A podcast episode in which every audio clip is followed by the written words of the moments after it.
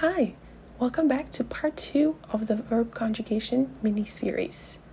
Like we said on the first one, today we're going to talk about the verb to be, which is yam. But before we get into it, let's do one more review of the pronouns. You want to say it with me? Let's go. Un, ti, ai, aio, ne, you, ata, atto. Now onto the conjugation, present tense first. First, without the pronouns.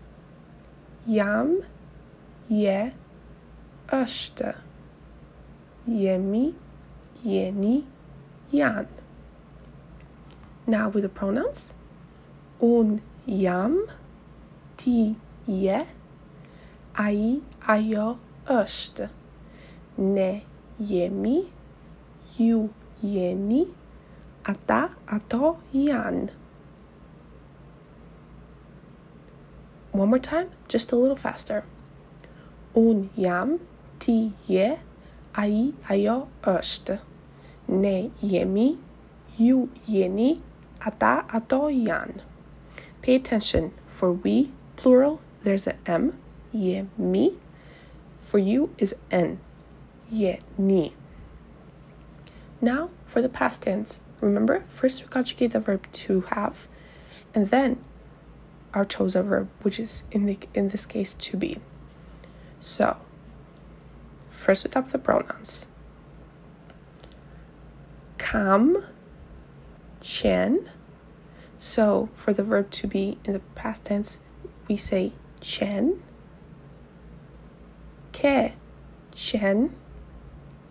Ka, chen.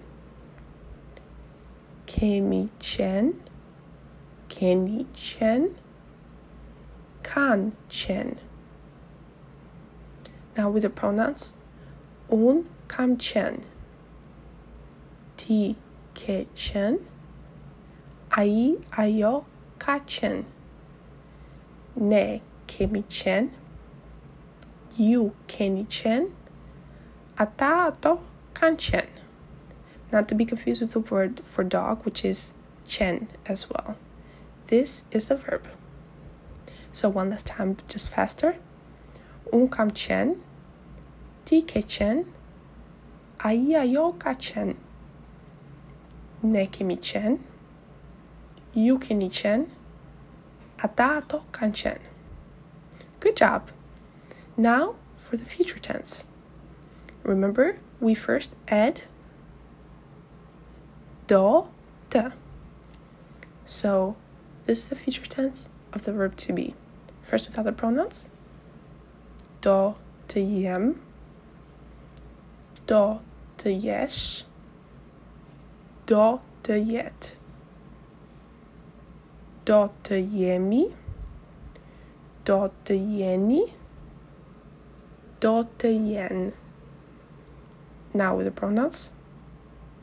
Un, do të jem. Ti do të jesh. Ai, ajo do të. Ne do të jemi. Ju do të jeni.